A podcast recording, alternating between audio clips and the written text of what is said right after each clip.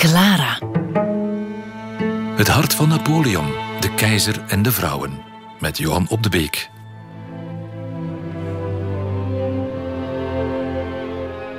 Je vermoeidheid en jouw afwezigheid, het is me te veel. Maar je zult me opzoeken, nietwaar? Je zult spoedig hier bij me zijn aan mijn zijde, aan mijn hart in mijn armen, op mijn mond. Vlieg hierheen, liefste, kom, kom toch.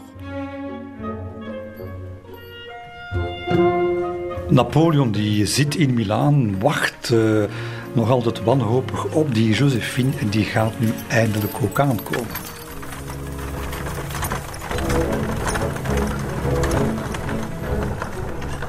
Het weerzien vond plaats in het Cerbeoni-paleis, uh, marmeren zuilen, grote Italiaanse kunstwerken, het geschikte decor voor een, uh, voor een groot weerzien. En hij is uh, extatisch Bonaparte. We weten dat van van bankier Hamelin, een van zijn vrienden die dat in zijn memoires heeft geschreven. Hij was gepassioneerd, zegt Hamelin, door zijn vrouw. Op regelmatige tijdstippen verliet hij zijn werkkamer om met haar te, te gaan spelen, al was het een kind. Hij plaagde haar, deed haar gillen en overstelpte haar met zulkdanige onkieze strelingen dat ik mij verplicht zag naar het raam te stappen en er het weer te bestuderen. Men kan het zich voorstellen. Maar niet genoeg eigenlijk, want uh, Josephine schrijft eigenlijk naar huis, naar Parijs, naar haar vrienden. Mistroostige brieven. Ik zie Bonaparte nauwelijks, zegt ze. Hij is erg druk met het beleg van Mantua. Ik verveel me hier dood, te midden van de superbe feesten die ter mijner eer worden gegeven. En uh, ja, ze begint zich weer vragen te stellen. Maar tegelijkertijd weten we dat ze niet alleen is afgereisd naar Milaan vanuit Parijs. Want wie zat er bij haar in de koets, enfin twee koetsen verder, in hetzelfde konvooi? Het is toch wel haar minnaar, Hippolyte Charles, die ze mee mocht nemen van de regering. Die hebben daar zelfs voor gezorgd dat die man een eh, betrekking kreeg in een of andere divisiestaf, uh, zodanig dat ze toch maar mee kon reizen met Josephine. En nog altijd moet je dan tot de conclusie komen dat, uh, dat Napoleon het nog altijd niet doorheeft. Hè. Dus die is bezig met vechten natuurlijk, met Mantua en met, uh, ja, die, uh, die, die wegen zijn nog altijd een beetje gescheiden. Uh, Hamelin brengt Josephine naar Cremona, waar een hereniging tussen Josephine en Bonaparte is gepland. Maar hij heeft dan nog net een, een brief gekregen van hem trouwens. En hij zegt, mijn ziel is verbrand. Mijn ziel is verbrand. Ik begin mezelf ervan te overtuigen dat, wil ik gezond en bij zinnen blijven, ik niets mag voelen en niet het geluk moet nastreven om de onvergelijkbare Josephine te kennen. Je brieven zijn afstandelijk, verdraaid. Ik ben de echtgenoot. Het moet een ander zijn die de minnaar is. Ik moet maar leren zijn zoals iedereen. Wij degene die er zich op mag beroepen om door jou bemind te worden. Zie mij nu toch, een jaloers man, goede God. Weet ik nog wel wat ik ben? Maar wat ik wel weet is dat er zonder jou geen geluk, geen leven bestaat zonder jou. Versta je me goed? Toch weer weer zo'n prachtige verliefde brief. Maar nu, die avond, gaat Josephine er bij hem op aandringen om nog niet meteen naar Cremona te komen. Blijf nog even in Brescia met een of ander voorwensel. Want die nacht uh, overnacht in het vertrek waar nota bene haar echtgenoot een paar dagen geleden nog over de landkaarten had uh, gebogen gestaan op, op een met, met bloed bevlekte uh, tafel. Daar in, die, in dat vertrek gaat ze logeren. En ze gaat daar niet alleen logeren, ze gaat daar slapen met Hippolyte Charles.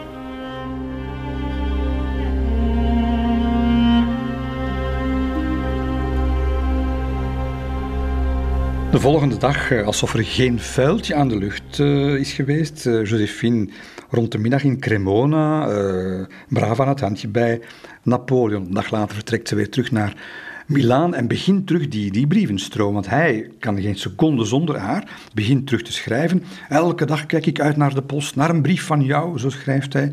Of nog in een andere brief. Het is kwaadaardig om een goedbedoelende man te misleiden, een tedere geliefde. Hier voel je toch al een klein beetje dat hij dat hij doorheeft dat er iets ergens aan het gebeuren is dat, dat, uh, dat zijn kennis uh, overstijgt. En hij schrijft dan nog wat over de veldslag, uh, hoe bloedig het is geweest, veel volk verloren. De vijand heeft veel manschappen verloren en we hebben een buitenwijk van Mantua kunnen innemen. Adieu, prachtige Josephine. Een deze nachten breken de deuren met veel gedruis open en zal daar je jaloerse man zich in je armen storten.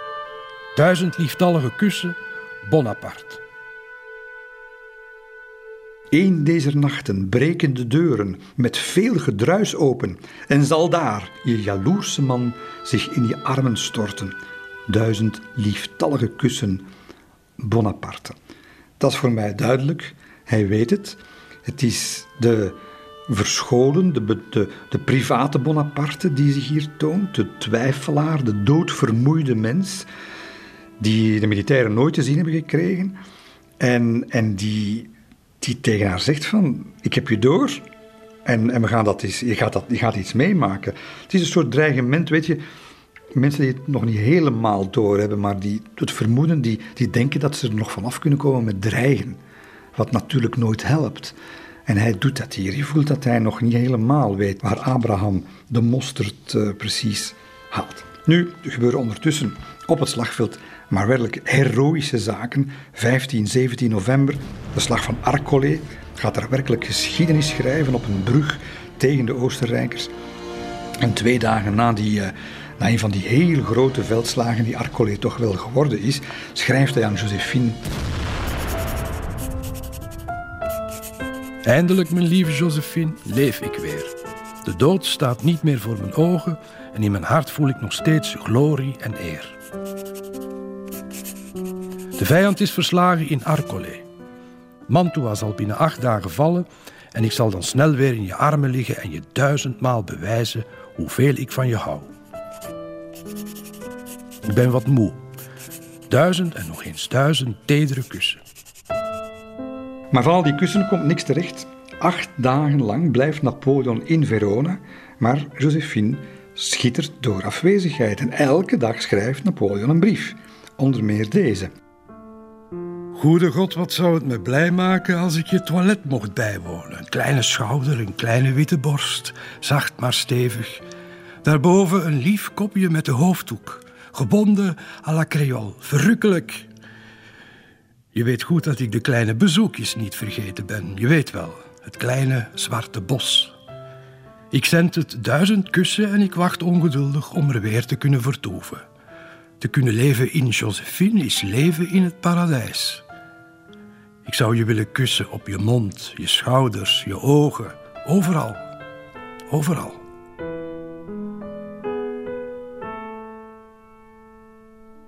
twee dagen nadien, 23 eh, november, weer een, een uiting van machteloze frustratie. Want nu luidt het als volgt: Ik hou niet meer van je. Integendeel, ik verafschuw je. Je bent gemeen en doortrapt. Een stomme huisloof ben je.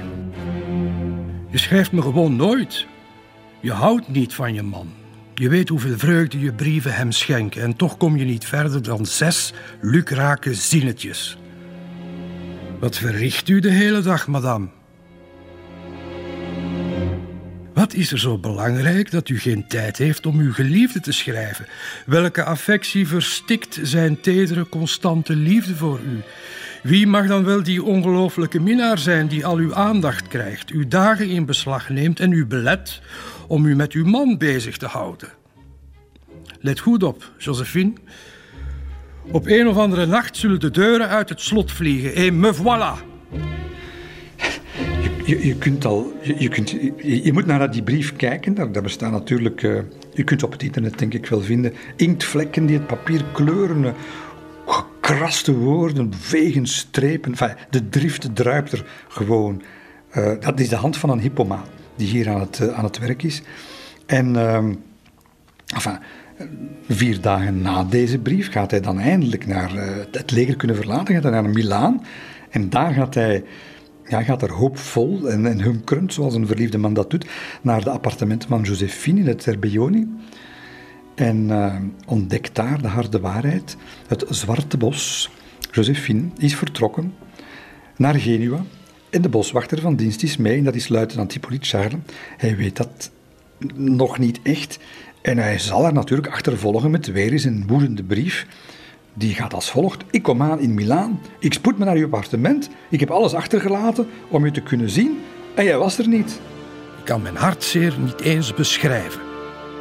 Ja, zelfs mindere goden zouden aan dit soort eh, ervaringen uh, ten onder gaan. En uh, dat is ook bijna het geval, want men moet hem, hij wordt ziek. Uh, keiziek, men moet hem echt dagen aan elkaar op het paard tillen. Hij kan niet meer, maagkrampen, allerlei uh, mysterieuze ziektes. Dat is het moment, dat is het kantelmoment. Dat is het meest fatidieke moment eigenlijk in de, in de, in de relatie.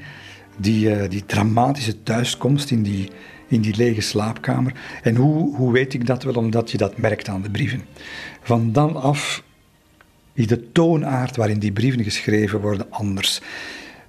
Het is niet meer de wanhoop van de, de verliefde die, die zijn geliefde wil aantrekken. Nee, het is de wanhoop van de verliefde die voelt dat die geliefde aan het wegleiden is en, en haar begint, zou ik durven zeggen, te haten. Nee, dat is te veel gezegd, maar toch te. Ja, hij neemt het haar kwalijk. En, en dit is echt het moment daar. Ja, daar is het allemaal begonnen. Daar is het begonnen, de, de ondergang van wat toch wel een van de de romantische relaties van de Europese geschiedenis is geweest. Jij aan wie de natuur zoveel verstand, zachtmoedigheid en schoonheid heeft geschonken. Jij die als enige mijn hart kan vervullen. Jij die al licht maar al te goed weet welke macht je over me hebt. Schrijf me, alsjeblieft. Denk aan me, hou van me. Nu eigenaardig genoeg, op het moment dat uh, in het hart van Napoleon eigenlijk twijfel begint te ontstaan over zijn vrouw, gaat dat bij Josephine een klein beetje het omgekeerde zijn. En dat komt, uh, dat komt natuurlijk omdat ze, dat ze nu eindelijk ontdekt wat voor iemand ze eigenlijk heeft. Want daar in, uh, in Italië heeft ze hem natuurlijk gezien op een manier zoals ze hem niet kon zien. In Parijs, te midden van, van, van het toppunt van zijn kunnen. Uh, ze zitten met eigen ogen als leider, als charismatische bezieler van die troepen. De, de, de geslepen onderhandelaar die hij is, de grote chef die hij is. En goed, die man heeft dan niet de, de, de aristocratische elegantie van haar, van haar vroegere uh, ex-echtgenoot Alexander de Beauharnais. Hij heeft misschien ook niet die sensualiteit van Hippolyte Charles. Maar, en dat voelt ze zeer goed, hij is boven die mannen verheven. Hij is meer dan die mannen. En hier uh, te velden waar, waar mensen hun leven in de waagschaal gooien en het lot van naties wordt bezegeld, hier lijkt die Napoleon wel een god in haar ogen. En dat stiekeme gedoe met Hippolyte Charles is eraan verslaafd. Ze, ze gaat daarmee verder natuurlijk. Maar, maar meer dan ooit gaat ze zich wel veel meer de echtgenote voelen van Napoleon. En dat merken we uh, zeer goed uh, aan het feit dat zij, uh, ja, je kunt het niet anders noemen, ze gaat eigenlijk beginnen de eerste politieke daden te stellen in haar leven. Bijvoorbeeld die fameuze slag bij Arcolé, waar Napoleon op gevaar van, van eigen leven trouwens toch wel een heel grote overwinning behaalt. Maar die gaan ze laten uitbeelden. En het is in, uh, in Genua dat ze de, de dan nog onbekende Jean-Antoine Gros uh, bij zich roept en hem de opdracht geeft werkelijk om de militaire glorie van, van de generaal, van generaal Bonaparte, te vereeuwigen. Uh, dat wordt natuurlijk een, een, een doek dat, dat, dat, dat furoren gaat maken, dat we vandaag de dag als legendarisch bestempelen. Dat is die fameuze Napoleon sur le pont d'Arcolé eigenlijk een van de mooiste, wat mij betreft, wat mij persoonlijk betreft, een van de mooiste uh, portretten die ooit van hem zijn gemaakt. Je ziet hem met die, de jonge Napoleon, de, de, ja, de flamboyante jonge Napoleon, zijn lange haren wapperende in de wind, het hoofd afgewend, kijkend naar het gevaar, de, de doorborende blik die zich zo lijkt uh, vast te bijten in de grote toekomst die hem wacht. En, en je voelt uh, de kogels als toeschouwer. Je voelt de kogels door, door, het, door het schilderij zoeven eigenlijk. En de, de vlag in zijn hand. Hij is bereid daarvoor te sterven. Dat, dat voelt je in dat schilderij. Enfin, propaganda natuurlijk, maar, maar mooie propaganda. En dat is, ja, dat is uh, Josephine. Het is een bedenksel van een vrouw geweest, van zijn vrouw.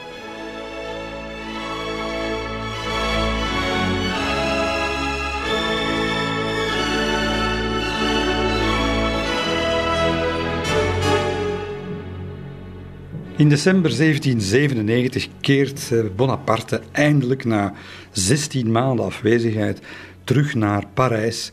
Uh, en hij komt daar natuurlijk toe als een heel andere generaal dan hoe hij vertrokken was. Het is een, een triomftocht die hij gaat maken. Uh, hij is de man van het moment. Hier begint de politieke carrière ook van, van Bonaparte. Maar op het privévlak is het natuurlijk nog altijd kommer en kwel. Want ze gingen vertrekken vanuit twee verschillende plaatsen, Josephine en Bonaparte. En Josephine speelde het weer klaar natuurlijk om ja, een ommetje te maken. Uiteraard met die Hippolyte Charles in haar karos. En het is helemaal niet hun bedoeling om heel snel thuis te zijn, dat kunt u zich wel inbeelden.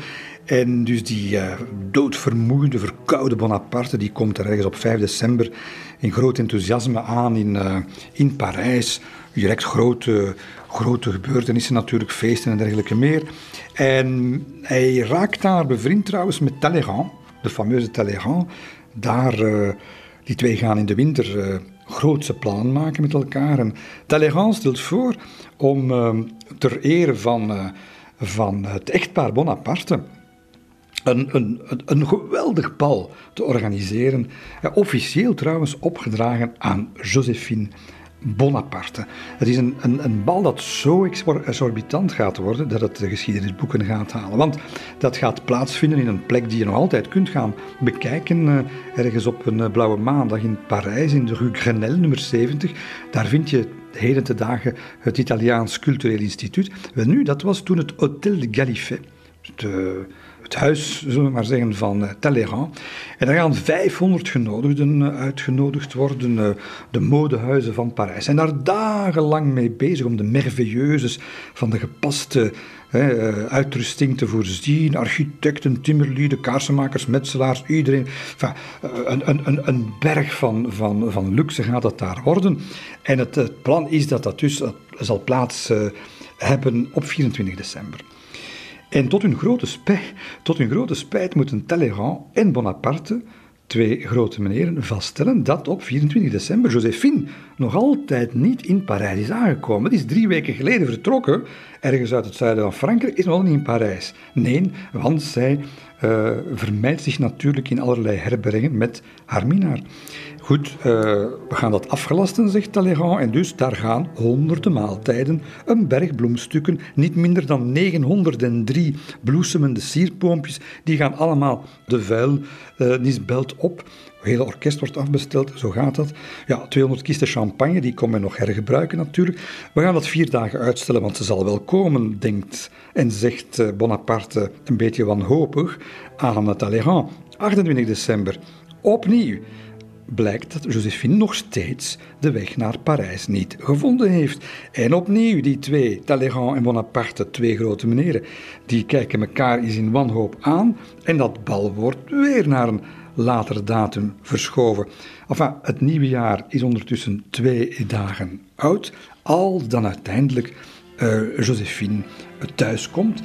Uh, ja, eh, een woedeuitbarsting, die krijgt ze wel, maar het, uh, het uh, helpt natuurlijk niet. Hij moet maar eens even in die fonkelende ogen van haar kijken en hij is weer verkocht natuurlijk. En uh, ondertussen, Talleyrand is een klein fortuin kwijt aan al dat afgelasten, maar het bal zal dus uiteindelijk doorgaan. En wat voor een bal. Vanaf de Seine staat al van de vooravond een lange file van rijtuigen, van, van uitverkorenen, die de mensen daar aan de, aan de, de gaan, gaan afzetten. Uh, als je daar binnenkomt, op de binnenkoor van de Gallifet, is een heel militair kamp, een mini-militair kamp nagebouwd. Orkest staat daar klaar. Uh, mensen wandelen binnen in schitterende jurken, gala, uniform, pluimen, gefonkel, enfin, kent dat wel. En dan het grote moment, natuurlijk twee uur te laat, hoe kan het ook anders? Josephine en Napoleon, uh, waar iedereen op de trappen in de zaal staat naar te kijken. Zij weer ongelooflijk prachtig gekleed, een spinnenweb van raffinement is dat. Een kleine chignon die haar hals net zichtbaar maakte. Zorgvuldig gedraaide lokjes die haar naakte hals wat accentueren. U kunt het zich inbeelden. Strikjes van goud, of allerlei prachtige dingen. En dan achter haar uh, nog een verschijning, want daar komt die, die jonge maagd Hortense, haar dochter, binnen. De perfecte belichaam van de, van de, van de Franse vrouw.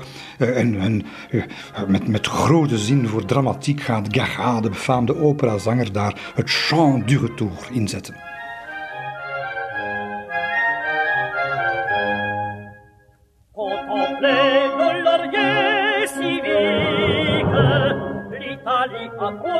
Ces fertiles poissons. Cela croissait pour nous au milieu des glaçons. Voici ceux de Fleurus, ceux des plaines Belgique. Tous les fleuves surpris nous ont vus triomphants. 500 mensen zijn binnen. We zitten aan tafel uh, in de receptiezaal van Talleyrand, die met zijn sluwe ogen half gesloten zit hij zijn gasten te beloeren. De top natuurlijk van het leger, van de politiek, de regering. En uh, die daar uh, goed luisteren wat die allemaal tegen elkaar vertellen. En, uh, maar we zijn over vrouwen bezig. Verschijnt daar plotseling, terwijl men zich klaarmaakt om de dans in te zetten, verschijnt daar plotseling Madame de Stel. Zoals we zeggen, soms ook de Stijl genoemd. Een, een dame die die een bijzondere belangstelling had voor, voor de held van de avond voor Napoleon. Uh, die Germaine de Stael, dat is niet de eerste de beste. Dat is een mevrouw die telt. Dat is een grote intellectuele. Een, uh, een beetje een klets, maar wel een met zeer grote zelfzekerheid, uh, een mening en een pen. En wie haar kon, wie, wie, wie kon lezen in Parijs, die las, die las haar. Maar ze heeft een zwak voor, ze is een beetje naïef, ze heeft een zwak voor Bonaparte overtuigd republikeinse, dat is Bonaparte ook op dat moment. En ze is vooral overtuigd van zichzelf, want ze vindt die Josephine, dat huwelijk met die Josephine, met die grote Bonaparte, dat, heb je nu al iets dommers meegemaakt dan dat? Ze schrijft zelfs een onbeduidend creooltje dat totaal niet in staat is om zijn heroïsche kwaliteiten te begrijpen en te waarderen. Dat zegt Madame de Stael.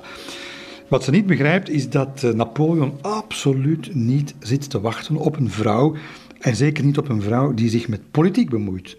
Uh, maar daar gaat die avond in het Hôtel de Gallifet serieus verandering in komen. Want de staal die gaat dus uh, afstevenen met zelfverzekerde boezem naar, naar Bonaparte af. Ze gaat hem een lauriertakje overhandigen. Nogal bombastisch zo teken van eerbetoon. En de Bonaparte die gaat, die gaat eh, zoals, zoals een vuile zakdoek in ontvangst neemt, die onderscheiding tussen uh, duim en wijsvinger aannemen. En hij mompelt al een eerste waarschuwing in. Hij zegt, madame, dat had u beter aan de muzen overgelaten. Maar zij, nee, niet van haar stuk te brengen. Ze gaat gewoon door. En ze zegt, ze stelt hem een vraag to the point, zoals Madame de Stael is.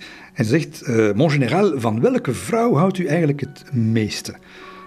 Antwoord, de mijne, madame. Ja, dat was niet helemaal de bedoeling van, die, van de madame natuurlijk van Parijs die de stal is. En zeggen, ja, ja, dat is wel waar, zo'n generaal, ik begrijp wat je wilt zeggen. Maar welke, ik zal het anders zeggen, welke vrouw schat u het hoogste in? Met pret oogjes vraagt ze dat, want het is natuurlijk een, een, ja, een open deur om nu natuurlijk het gesprek op haar te brengen. En hij, eh, zij die het best voor mijn huishouden kan zorgen, zegt Bonaparte. Ja, daar kan ik wel in komen, zegt de staal, maar ik zal het anders zeggen. Welke vrouw is voor u de eerste der vrouwen? Wel, de toeschouwers, de getuigen die erbij waren, die hebben het later gezegd. Als zijn ogen kanonnen waren geweest, dan was het Hotel de Gallifet in gruizelementen geschoten. Want hij antwoordt, hij geeft daar een antwoord dat iedereen naar, naar, uh, naar adem doet happen. Hij zegt: Mevrouw, de vrouw die het meeste kinderen kan baren. En hij stapt gewoon voorbij die verbouwereerde Madame de Staal, want het was algemeen bekend, Madame de Staal kon geen kinderen krijgen.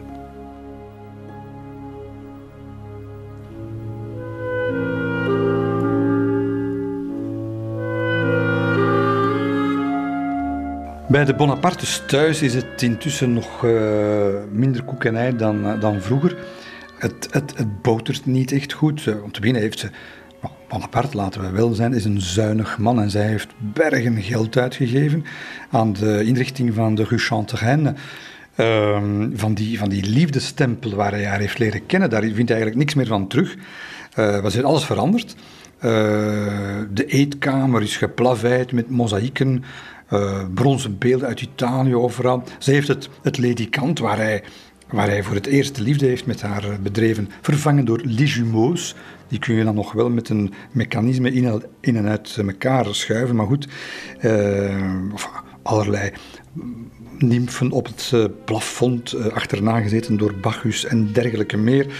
Maar het is Baga, waarvan we weten dat hij een uh, intimus was natuurlijk, van, van beiden. Die op een zekere dag getuige is van een zwaarwichtelijke, echtelijke discussie, waar hij kromme tenen van krijgt, want het gaat over nakomelingen. Of beter gezegd, over het niet hebben van nakomelingen. En hij hoort uh, Josephine uitvliegen, uh, c'est pas ma faute, het is niet mijn schuld. Want zij zegt, ik heb er al twee gehad, beste vriend. En, en, en hij, ja, bijhebt van verlangen naar, naar, naar, een, naar een kind, naar een zoon, dochter tegelijk. Hij, verwijt, hij begint daar dat te verwijten. En hij sleurt er haar Creoolse afkomst bij. Hij begint daar te verwijten dat ze kinder uh, vroeger rijp zijn en dus ook vroeger steriel zijn. Enfin, dat soort verwijten. Het vliegt daar de kamer over en weer van, uh, van, van gescheld. En ja, Bonaparte die, die, die, die verliest de pedalen weer. Die zegt, ik kan niet zo goed kinderen verwekken als ik veldslagen kan winnen. Alsof dat er ook maar iets toe doet. En zo gaat dat maar door. En Barra schrijft dat ook in zijn memoires. Ik wist het toen al, zei hij. Um, ze, deze keer zou die ruzie wel bijgelegd worden. Maar in dit echtpaar, in het echtpaar Bonaparte, is een zeer groot probleem in de maak. In heel die context is het natuurlijk. Je kunt je afvragen. hoe, hoe hebben die twee dat, dat overleefd? Hoe heeft dat koppel dat overleefd? Hoe hebben ze het hoofd boven water gehouden? Ja, ten eerste is er natuurlijk dat netwerk van Josephine. Politiek netwerk dat Bonaparte meer en meer nodig heeft. Hè, want hij ligt onder vuur van de regering. Hij, hij voelt dat ze hem niet moeten. En zij kan, zij kan, uh, zij kan dat temperen. Uh, hij heeft de pers ook wel een beetje tegen. Um, omdat hij zich wat verrijkt zou hebben. En zeker Joseph, zijn broer, in Italië. Um, dat speelt allemaal mee.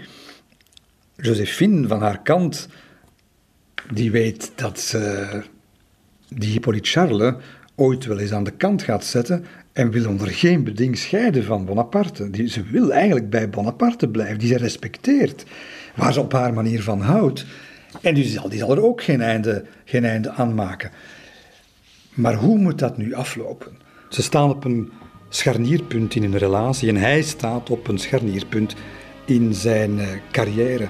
Hoe gaan ze hieruit geraken? Wel, eigenlijk omdat Napoleon geen keuze zal moeten maken binnen zijn relatie, tegen zijn relatie, want hij gaat uh, nu ogenblikkelijk in een avontuur belanden, in een groots plan belanden, samen met Talleyrand gesmeed. Hij heeft het plan opgevat om Frankrijk opnieuw te verlaten en een poging te ondernemen om Egypte te veroveren.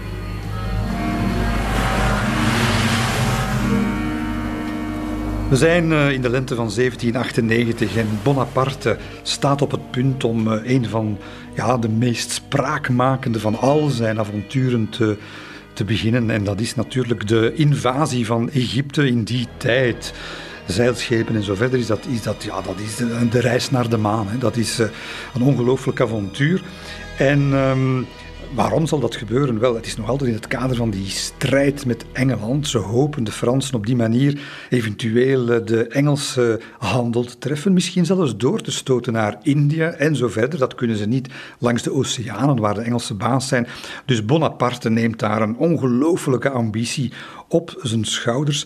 Ze gaan inschepen in Toulon 31.000 soldaten, 13 eh, grote oorlogsschepen, 42 fregatten, een hele, een hele vloot is dat. En ja, zoals dat meestal gaat met grootscheepse afvaarten naar open zee, krijgt die Franse expeditie al meteen een reeks verrassingen uh, voorgeschoteld, waarvan de meeste natuurlijk onaangenaam zijn. Onder meer slecht weer. Ze moeten zes dagen lang voor anker blijven liggen. En in die zes dagen gebeurt er iets in het koppel Bonaparte, want eigenlijk was het de bedoeling dat Josephine, die ondertussen haar man bijzonder is gaan appreciëren, uh, dat Josephine mee zou gaan. Maar Bonaparte begint tijdens die zesdaagse pauze eigenlijk daar wat aan te twijfelen. Is dat wel het gezond verstand zegt worden, dat een moeilijke trip gaat worden voor die vrije, gekwetsbare Josephine.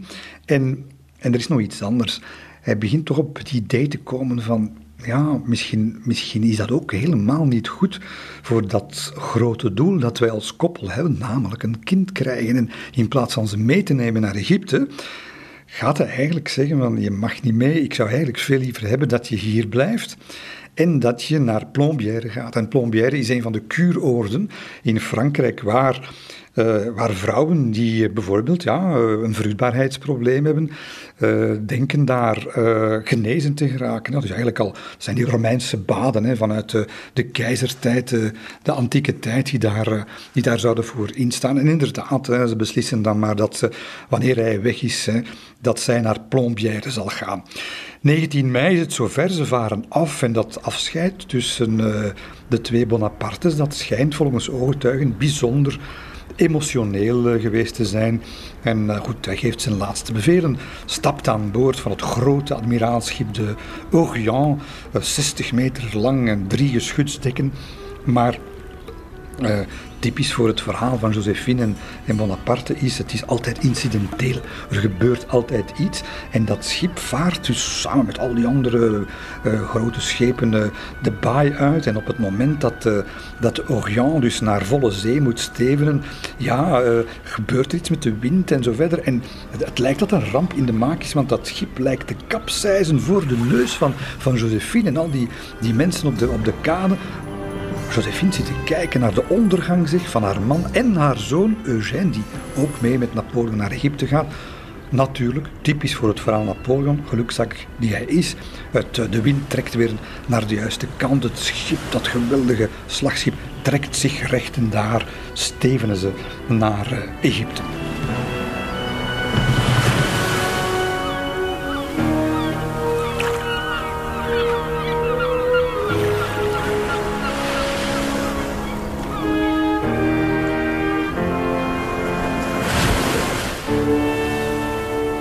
En Josephine, terwijl haar man uh, aan dat grote avontuur uh, begint, Josephine meteen plichtsgetrouw naar, naar Plombières. Want ja, ze, ze, ze, ze, voelt toch ook wel dat dat nodig is, dat, er, dat, er, dat, dat kind er komt. En ja, ze hopen dat de vruchtbaarheid wat wordt aangezwengeld in die, in die baden.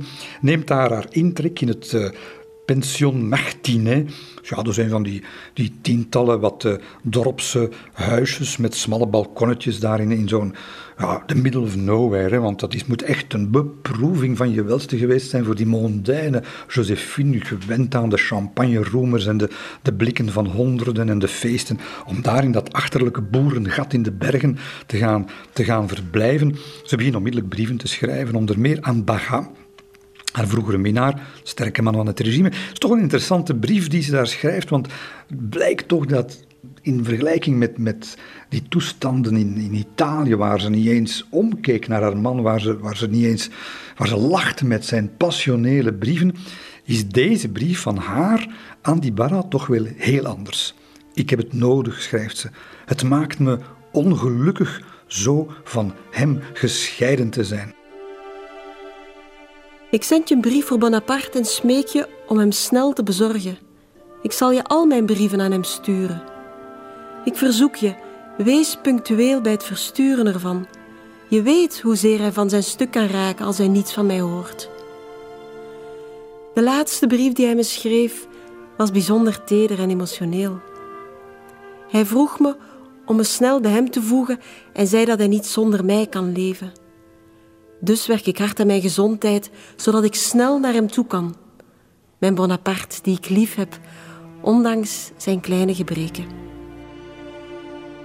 Ja, dat is een heel andere Josephine dan, uh, dan twee jaar geleden. Die brief is nog geen twee weken oud of op 2 juni is ze bijna dood. Want wat gebeurt er? Ja, uh, ze wordt daar bezocht door een paar vrienden. Die staan op dat balkonnetje, op dat, dat domme pensionnetje. En loopt daar toch wel een leuk hondje over straat. En die Josephine, eh, gek van hondjes zoals ze is, die uh, wordt erbij geroepen. Ze haast zich naar dat balkon dat dan vervolgens niet bestand blijkt te zijn tegen het gewicht van dat gezelschap. Balkon naar beneden, Josephine mee, breekt daar van alles en nog wat, zwaar gewond. Uh, tien dagen later, wat zeg ik, drie weken later, is ze nog altijd niet in staat om, om rechtop te zitten om, of om te staan. En ze, ja, ze heeft een, een gebroken rug, een gebroken bekken. Uh, het, het, is, het gaat zeer slecht met haar. Ze zal daarvan uh, herstellen, maar Napoleon ondertussen in Egypte, die weet er allemaal niks van. Maar zijn droom, die is wel aan het uitkomen. Hij is uh, daar de Mamelukken aan het verslaan, uh, stevend op naar, naar Cairo en gaat, uh, gaat Egypte veroveren. Maar dat is dus, ja, dat, dat heeft geen haar gescheeld. Of dat is in plaats van een historische zegentocht een uh, zielige ondergang geworden. En niet omdat het militaire genie van de chef het plots laat afweten. Nee, in één keer komen daar de gezinsproblemen. In volle woestijn, onder de verzengende zon bij 50 graden bijna, komt dat daar tot een uitbarsting. Het gebeurt op 19 juli. In volle, de slopende tocht door, door, die, door de Egyptische woestijn. En hij, het, het hangt op hem. Daar, Josephine is er weer niet. En, en wat is daar toch allemaal gebeurd? Ook in Italië. En hij blijft ja, zeuren en zagen bij zijn vrienden, bij zijn militaire vrienden. En uiteindelijk is het toch Berthier, de stafchef, zijn, zijn, zijn vertrouwensman, die hem niet meer in de ogen kan kijken. Zonder hem ja, dan toch maar de waarheid te vertellen. En getuigen eh, die, die dat zien, die zien hem werkelijk bleek uitstaan, helemaal uit zijn lood. Ze zien hem vertwijfeld, maar echt met, met, met de vlakke hand op zijn voorhoofd slaan. Wat is er gebeurd? Ja, ze hebben het hem verteld. Het, komt er allemaal uit, jaren na datum, dat, uh, ja, dat uh, zijn echtgenote hem jarenlang bedrogen heeft met die Hippolyte Charles die eigenlijk haar vaste minnaar was, die eigenlijk zelf onder zijn ogen in Milaan, uh, waar hij bij was bijna, uh, met zijn vrouw geslapen heeft. En niet één keer, maar vaak dat het hij het was. Waardoor Josephine altijd maar te laat terugkeerde naar Parijs en dergelijke meer. En het valt maar werkelijk als een ton of bricks, valt dat op het gemoed van die, uh, van die strijdende Napoleon daar in Egypte. En het is, het is onvoorstelbaar. Hij, de uitgekookte politicus, dit buitengewoon strategisch verstand, dat hij zich nu realiseert van... Ja, ik ben, ik ben zo cocu als ik groot ben. En, en, en hij is tot op het merg, tot op het merg is hij, is hij teleurgesteld en ontgoocheld. En um, dat wordt natuurlijk meteen opgemerkt door Eugène de zoon van Josephine, die, die in de staf, de staf zit van, uh, van, uh, van Napoleon. En, en dat gaat dat natuurlijk allemaal de ronde. En Eugène die voelt de donderwolken hangen natuurlijk. En die klimt meteen in zijn pen. Die schrijft een paar dagen later een brief aan zijn moeder, aan Josephine. Die dan via zee uh, naar Parijs een weg moet vinden. En die brief is, is, ja, dat is inderdaad een waarschuwing, een angstige waarschuwing. Ma chère maman. Zo begint hij. Ik heb je zoveel te vertellen dat ik niet weet waar te beginnen. Bonaparte loopt al vijf dagen krom van verdriet na een gesprek met uh, Junot en Berthier. Die conversatie heeft hem meer geraakt dan ik voor mogelijk had kunnen houden. Alles wat ik heb kunnen opvangen wijst erop dat je Charles in je rijtuig hebt ontvangen, drie postplaatsen voor Parijs, dat je hem weer hebt gezien in Parijs, dat je samen met hem naar het theater bent geweest en er in de vierde loge zat, dat hij je een hondje, een hondje heeft geschonken en dat hij op dit ogenblik bij je is. Je weet wel, mama, dat ik hier natuurlijk niets van geloof. Maar het staat vast dat de generaal hierdoor zeer ontredderd is. Toch behandelt hij me zeer vriendschappelijk. Het lijkt alsof hij daarmee te kennen wil geven dat de kinderen niet gestraft moeten worden voor de fouten van hun moeder. Maar je zoon is ervan overtuigd dat al die rotzooi is bedacht door je vijanden. Hij bemint je er niet minder om en verlangt er niet minder naar om je te omhelzen. Oh, ik hoop dat alles vergeten kan worden wanneer je komt. Eugène. Eugène begaat twee vergissingen. Hij denkt dat dat allemaal nog goed gaat komen en hij denkt bovendien dat ze komt. Ja, uh, het zal een beetje anders gaan. Uh, en hoe zit het bij Napoleon? Nou, ondertussen is hij diep teleurgesteld. Is hij uh, zijn intrek gaan nemen in het, in het paleis van Cairo. Hij zit daar te piekeren over de toekomst en vooral over zijn eigen huwelijk. En hij schrijft ook een brief. Hij schrijft een, een echte hartverscheurende brief aan, aan zijn intiemste kameraad. misschien de enige die hij nog heeft in zijn ogen op dat moment. Dat is zijn broer Joseph. En hij schrijft... Ik heb veel huiselijk verdriet. Ik heb het gehad met de menselijke aard. Ik heb behoefte aan eenzaamheid en isolement. Grandeur kan me niet meer blij maken, gevoelens heb ik niet meer. Op mijn 29ste is al die glorie uiteindelijk maar schijn gebleken. Een egoïst zal ik worden. Dat is wat me nog rest.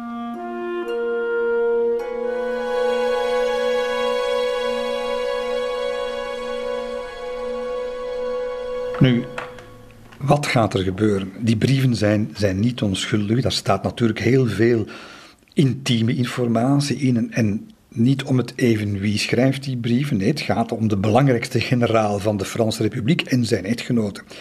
Nu, medio oktober 1798 pakt het Parijse dagblad Le, La Clé du Cabinet. Die, pakt, eh, die, eh, die redactie pakt uit met een, met een sensationeel nieuwtje. En wat is dat? Wel, de hele zomer lang hadden de, de, de, fregatten van admiraal Nelson, de Engelsen, zowat elk Frans schip gepraaid dat zich eh, de oversteek permitteerde van Egypte naar Frankrijk omgekeerd. En uh, die maken daar alles buiten natuurlijk. En een van die schepen, wat hebben ze daar op een dag buiten gemaakt? Een postzak. En wat vinden ze in die postzak? Onder meer ja, het is een onverhoopte, het is een geschenk uit de, uit de hemel, de, de correspondentie, de private correspondentie van generaal Bonaparte en van zijn schoonzoon uh, Eugène, Eugène de Beauharnais. En wat schrijft die Franse krant? Wel, admiraal Nelson die had gezegd van, kijk, alles wat niet strategisch is en wat privé is, dat, gaat, dat gaan we niet bijhouden, dat, gaan we, dat geven we terug aan Frankrijk. Ja, ondanks die belofte van Nelson belanden die twee brieven met die toch zeer intieme informatie, die belanden toch, zoals dat gaat, via de gunstige wind op, uh, op de bureaus van een Engelse krant, The Morning Chronicle. En de twijfelachtige eer om die uh, bewuste brieven te gaan uh, publiceren, die gaat toevallen aan ene James Perry, hoofdredacteur van die krant. En die laat die scoop natuurlijk niet liggen en die publiceert in november elk woord dat Eugène over dat incident in Egypte heeft geschreven en elk woord dat, dat Napoleon aan zijn broer heeft geschreven. Dus zijn, zijn complete depressie. Dus dat hele huwelijksdebakkel staat in één keer in de Engelse pers, tot grote vreugde natuurlijk van de, de Engelse vijanden van Frankrijk en van, en van Bonaparte. Maar uh, het, het, het gaat niet lang duren natuurlijk voordat dat ook in de Franse pers zal belanden. En uh, de, de, hele intimiteit van, van, van, van de belangrijkste generaal gaat op straat liggen ver weg in Egypte is Napoleon daar niet van op de hoogte. Gelukkig maar, hij heeft, heeft al genoeg, uh, hij maakt al genoeg mee. Maar wie het natuurlijk wel, uh, wel ziet via, via zijn inlichtingen en bronnen is natuurlijk, uh, is natuurlijk Baga, de leider van het, van het directoire, die, die beseft wat, wat daar de schadelijke gevolgen van, zijn, van gaan zijn. Hij probeert die uitgevers ervan te overtuigen om, om dat niet te publiceren. Uh, maar hoe dan ook, dat, dat, dat bericht gaat zich natuurlijk heel snel als een lopend vuurtje verspreiden in Frankrijk. En hij ziet zich verplicht, Baga, om, uh, om Josephine dringend uh, bij zich te roepen en haar in te lichten. En dat moet dus een, natuurlijk een geweldige schok geweest zijn voor Josephine, want ja, haar intimiteit, alles wat ze verborgen wenste te houden, dat ligt nu met één smak op de straatstenen in Londen, in Parijs, enfin in heel, in heel Europa. En ehm, ja, gelukkig ver weg in volle veldtocht in Egypte weet Napoleon dat natuurlijk allemaal niet gelukkig voor hem, want de, de droefenis is nu al on, onmetelijk. Probeert zich daar te troosten. Enfin, zijn entourage probeert hem daar te troosten door daar in dat paleis waar hij, waar hij verblijft, daar de ene, de ene lokale schone na de andere binnen te loodsen in de hoop dat hij verliefd wordt en zo zijn problemen wat kan vergeten. Maar het is altijd wat met die, uh, met die plaatselijke deernis. Uh, hij ziet het niet zitten, hij heeft nog een, een verfijnde goede smaak, want de ene is te dik, de andere is te mager. Er is altijd wat. Uh, tot op een dag, en we zijn in december, gaat hij op een feest in het Tivoli Park in, uh, in, uh, in Cairo gaat hij kijken naar een, het opstijgen van een Montgolfière ballon.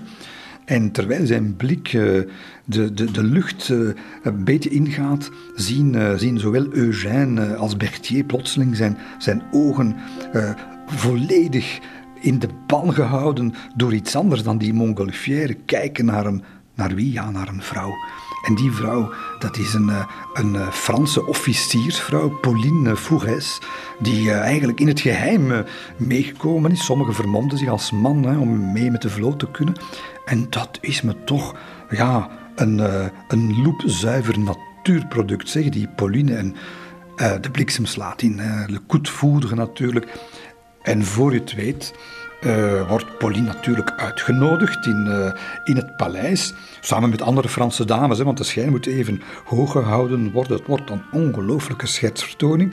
Uh, Napoleon moet nu manoeuvres doen waar hij natuurlijk goed in is, aan die tafel met al die genodigden om op een of andere manier die, die mevrouw Foures ja, tot, tot, een, tot een iets verder intimiteit te bewegen. Hoe gaat hij dat doen? Wel, als bij magisch toeval stoot hij tijdens uh, het diner een waterkruik om. En ja, de, de gekoelde inhoud van die kruik valt dan toevallig in de schoot van Pauline Foures. En uh, ja, hij, uh, zich uitputtend in, in verontschuldigingen, nodigt haar natuurlijk onmiddellijk uit om zich te, te komen afdrogen in het appartementje dat, dat na naast, de, naast dat eetvertrek ligt, bij magisch toeval, ligt daar een, ook weer een, een appartementje achter de deur. We hebben de schijn gered. Hè. Ze stappen dat appartementje binnen en hebben dan een uur nodig om het toilet van mevrouw Foures terug op orde te krijgen. Ja, de aanwezige dames, die, daar moet je geen tekening bij maken, maar het gevolg is dat daar dus een fantastische romance gaat uit ontstaan. We moeten ons niet voorstellen dat dat een muurbloempje was, want die, ja, die gaat zich gewoon naast Napoleon zetten wanneer die eens een inspectietochtje maakt langs de troepen in Cairo. Zij is dan bovendien zeer sexy, gekleed in een, in een uniform Waarschijnlijk omdat hij dat graag uh, had. Hè. Het was een fetischist waarschijnlijk. Onze vriend Napoleon, dat is een persoonlijke interpretatie van mijn, uh, van mijn kant overigens hoor. Maar wie dat niet leuk vond, dat was natuurlijk Eugène, ook stafofficier van, uh, van Napoleon, schoonzoon, zoon van Josephine. En die, die maakt zich boos tegen zijn, zijn chef, tegen zijn schoonvader, dat het toch niet kan, dat, die, dat, die met, dat hij een maîtresse heeft en dat die maîtresse daar dan bovendien uh, te pas en te onpas op een paard uh, rond, rond, rondcirkelt. En Napoleon, die, ja, die luistert daar nog niet naar. Die zegt eigenlijk, beste jongen, ga er nog eens over slapen. En morgen zien we elkaar terug. En zo zal het ook gebeuren trouwens. Wat gebeurt er ondertussen met de man met de wettelijke echtgenote? Wel, op typisch Napoleontische wijze wordt daarmee afgerekend, want die meneer Foures, de luitenant, die wordt op een schip gestuurd op missie naar, naar Frankrijk. Een missie die natuurlijk niet van enig gevaar ontbloot is met al die, eh, al die Engelse schepen. En hij hoopt... Uh, Ofwel wordt die man gevangen genomen, ofwel uh, zit hij in Frankrijk en dan zien we die geen lichtjaren nog terug. Maar het, het, valt niet mee hoor. Die, die Napoleon heeft ook echt wel pech in Egypte uh, als het over de liefde gaat. Want wat gebeurt er zeg? De Engelsen, uiteraard, onderscheppen dat schip waar meneer Foures op zit. En ze ontdekken dat, dat de man, want ze hebben spionnen natuurlijk in Cairo, dat, dat, dat ze de man gevangen genomen hebben van de nieuwe minares van generaal Bonaparte. Aha, zeggen de Engelsen. En wat doen ze? Ze doen niet, ze vinden er niet beter op, want het zijn toch, het zijn toch chamvoeters hoor, die mannen, die, die Engelse mariniers. Ze vinden er niet beter op dan die Foures gewoon terug te sturen. Dat is dus natuurlijk in de bedoeling een hoop keet te gaan schoppen daar in Cairo. En ze vertellen het hem ook allemaal. Wij hebben gehoord dat Foures wordt gewoon terug aan de wal gezet in Egypte. Gaat in één Franse colère recht naar, naar Cairo en en, en maakt daar een ongelooflijke scène ten aanzien van zijn vrouw. Het gaat eindigen in een scheiding en dat wordt allemaal wel goed gemaakt en dergelijke meer. Maar om u maar te zeggen, als het gaat over de liefde, is het pad van Napoleon Bonaparte nog meer bezaaid met hindernissen dan als het gaat om oorlog.